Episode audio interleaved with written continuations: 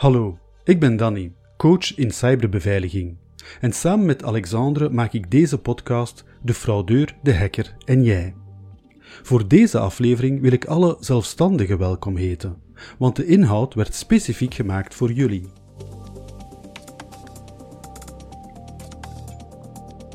Ik weet het, de titel van deze aflevering lijkt misschien wat vergezocht. Want hoe kun je nu maximale bescherming hebben als je enkel voor de minimale beveiliging gaat? Wel, dat hangt af van hoe je het bekijkt. Niet zo lang geleden werd ik als digitale veiligheidscoach uitgenodigd om deel te nemen aan een training voor zelfstandigen over het ontwikkelen van hun digitale strategie. En wat bleek heel snel? De deelnemers hadden nooit een training gevolgd over IT-beveiliging en ze hadden zich er ook niet echt in verdiept. En hierdoor nemen ze soms grote risico's, zonder het zelf te beseffen. Zoals we zullen zien klopt het natuurlijk wel dat een zelfstandige of een heel klein bedrijf minder vaak het doelwit wordt van cybercriminelen of fraudeurs. Maar criminelen zijn opportunisten. En zoals we weten, gelegenheid maakt de dief. Het is precies daarom dat ik heb besloten een speciale aflevering te maken voor zelfstandigen. Ik ga je niet alleen vertellen wat je moet doen om je bedrijf veilig te houden voor cybercriminelen, maar ook waarom je deze minimale maatregelen moet nemen. En ik beloof het je, voor niets van wat ik ga bespreken moet je een computerspecialist zijn. Iedereen kan en zou deze eenvoudige maatregelen moeten nemen. Maar voordat ik dat doe, weet dat ook jij de mensen om je heen kunt helpen zichzelf online te beschermen. Gewoon door deze aflevering te delen. Als je zelfstandigen kent of ook mensen die hun eigen bedrijf willen beginnen, stuur ze dan deze aflevering. Als er één onderwerp is waar we allemaal geen concurrenten van elkaar zijn, dan is het wel IT-beveiliging. Integendeel, we moeten samen strijden tegen cybercriminelen en fraudeurs.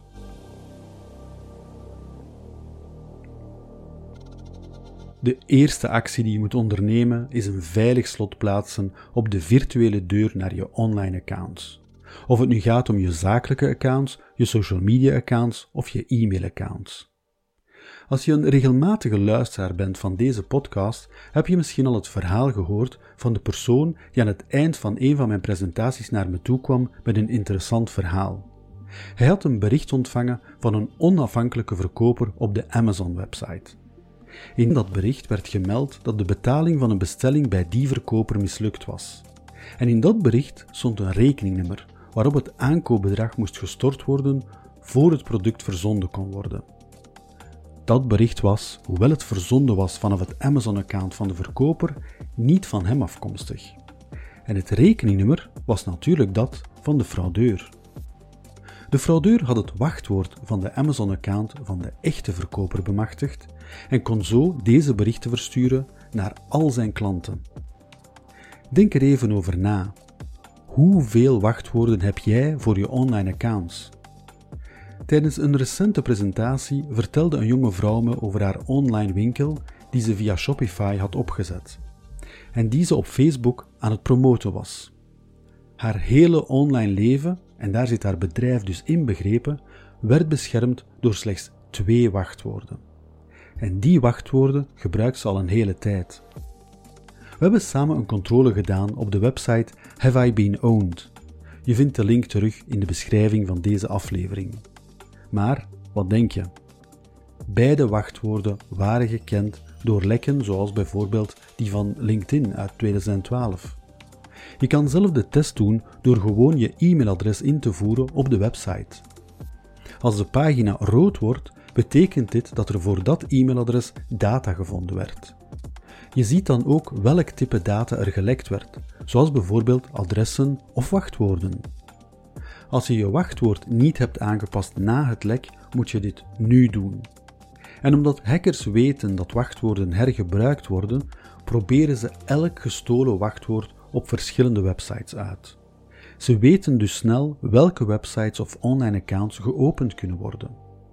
Dus als jij ook een wachtwoord al een hele tijd gebruikt of hergebruikt en dat wachtwoord is niet sterk, dan raad ik je aan je wachtwoorden overal te veranderen. Je begint best met de zakelijke of werkgerelateerde accounts, daarna je e-mailaccounts en daarna je sociale media. Als je dat gedaan hebt, kan je aan de tweede reeks beginnen, alle sites waar je misschien je kredietkaartgegevens hebt achtergelaten om sneller te kopen, zoals Amazon, iCloud enzovoort. Als laatste kan je dan de wachtwoorden aanpakken die nog overblijven. Maar voordat je je wachtwoorden begint te veranderen, kies je eerst een wachtwoordbeheerder. Of gebruik die die in je mobiele telefoon zit, zoals de passwordchecker in Android of de keychain in iOS. Pas als je wachtwoordbeheerder hebt geïnstalleerd, verander je je wachtwoorden. Want de wachtwoordbeheerder maakt ze voor jou aan. Hij onthoudt ze en hij bewaart ze veilig. Ze zullen dus allemaal lang, veilig en verschillend zijn. En je hoeft ze niet te onthouden of bang te zijn ze te vergeten. Het is veel gemakkelijker en veiliger op die manier. Natuurlijk moet je nog wel één wachtwoord kiezen en onthouden, namelijk het hoofdwachtwoord van je beheerder. Hiervoor kies je best een wachtwoordzin, zoals ik heb twee katten en die miauwen luid, met een uitroepteken. Zo heb je meteen een hoofdletter, een cijfer en een speciaal karakter met een uitroepteken.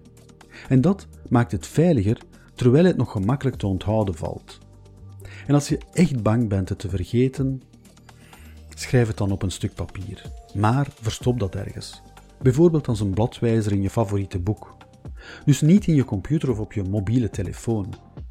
Natuurlijk is het beter om je wachtwoordzin te onthouden en niet op te schrijven. Maar ik heb liever dat je het opschrijft en verbergt dan dat je een wachtwoord hebt dat te gemakkelijk te raden is. Als je dan toch op al die websites je wachtwoord aan het wijzigen bent, kijk dan ook eens of deze website twee-factor identificatie ondersteunt. Als dat het geval is, kan je deze best activeren. Het is gratis en meestal ontvang je een code via sms of moet je een applicatie koppelen zoals Google Authenticator.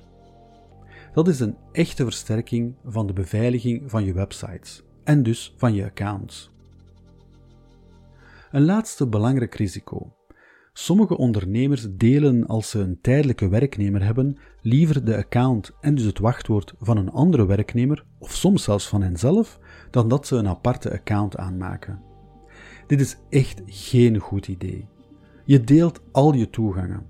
En als de persoon vertrekt, heeft deze nog steeds toegang tot je accounts totdat jij het wachtwoord verandert. Ik was soms echt verbijsterd toen ik verhalen hoorde over bijvoorbeeld een stagiair die boos vertrokken was, maar met het wachtwoord van hun baas toch nog toegang hadden.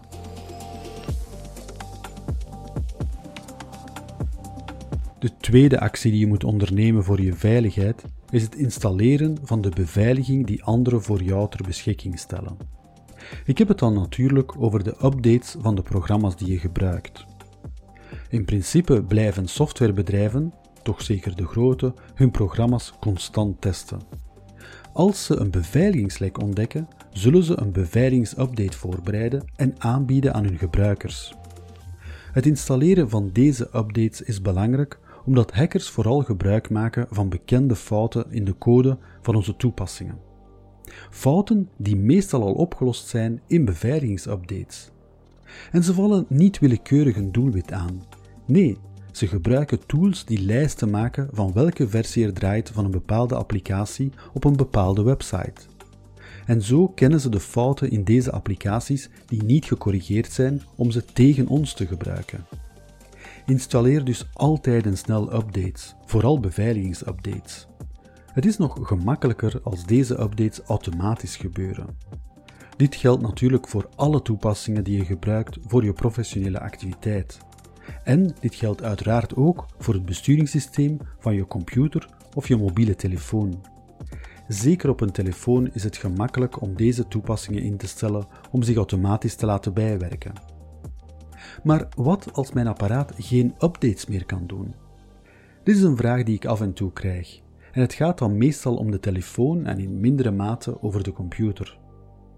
Vanuit beveiligingsoogpunt kan ik je alleen maar aanraden om een nieuw apparaat aan te schaffen. Dat heeft natuurlijk een kost, maar de kosten die je kan hebben als bijvoorbeeld de gegevens van je klanten gestolen worden, is vele malen hoger.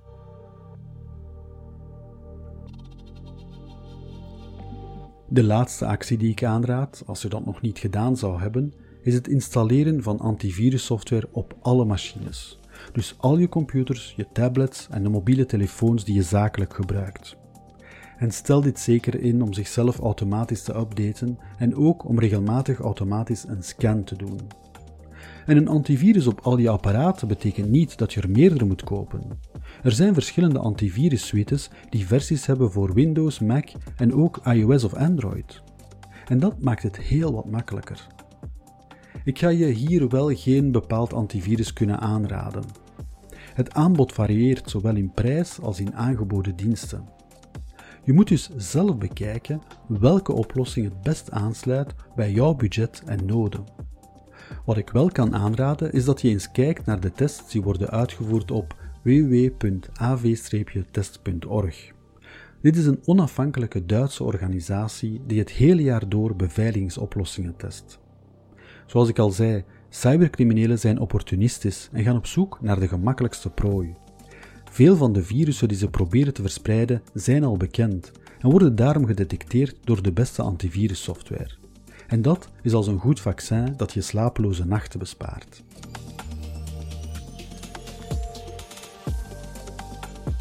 Dit zijn dus de drie belangrijkste en de meest eenvoudige regels die je moet volgen met betrekking tot je online beveiliging en die van je bedrijf. Als je mijn advies hebt opgevolgd, heb je zojuist je bedrijf gered uit de klauwen van de meest opportunistische cybercriminelen. Degenen die het gevaarlijkst voor je zijn. Cyberdeskundigen zullen je vertellen dat dit niet genoeg is. En dat klopt, dit is enkel de basis. Maar dankzij de basis maak je het risico al heel wat kleiner. Als je wat meer wil weten, stel ik voor dat je gaat kijken of luisteren naar onze andere afleveringen waarin we het hebben over backups om jezelf te beschermen tegen ransomware en natuurlijk ook over phishing. Want het is vaak via een phishing-e-mail dat de ransomware binnenkomt. Ik hoop dat je genoten hebt van deze aflevering. Laat gerust een beoordeling of commentaar achter op de platformen die dat toelaten. En deel deze aflevering met iedereen waarvan je denkt dat ze deze informatie ook nodig hebben. Je kent vast wel een andere zelfstandige die een paar van deze tips kan gebruiken. Ik wens je nog een prettige dag en tot binnenkort in de volgende aflevering van je podcast De fraudeur, de hacker en jij.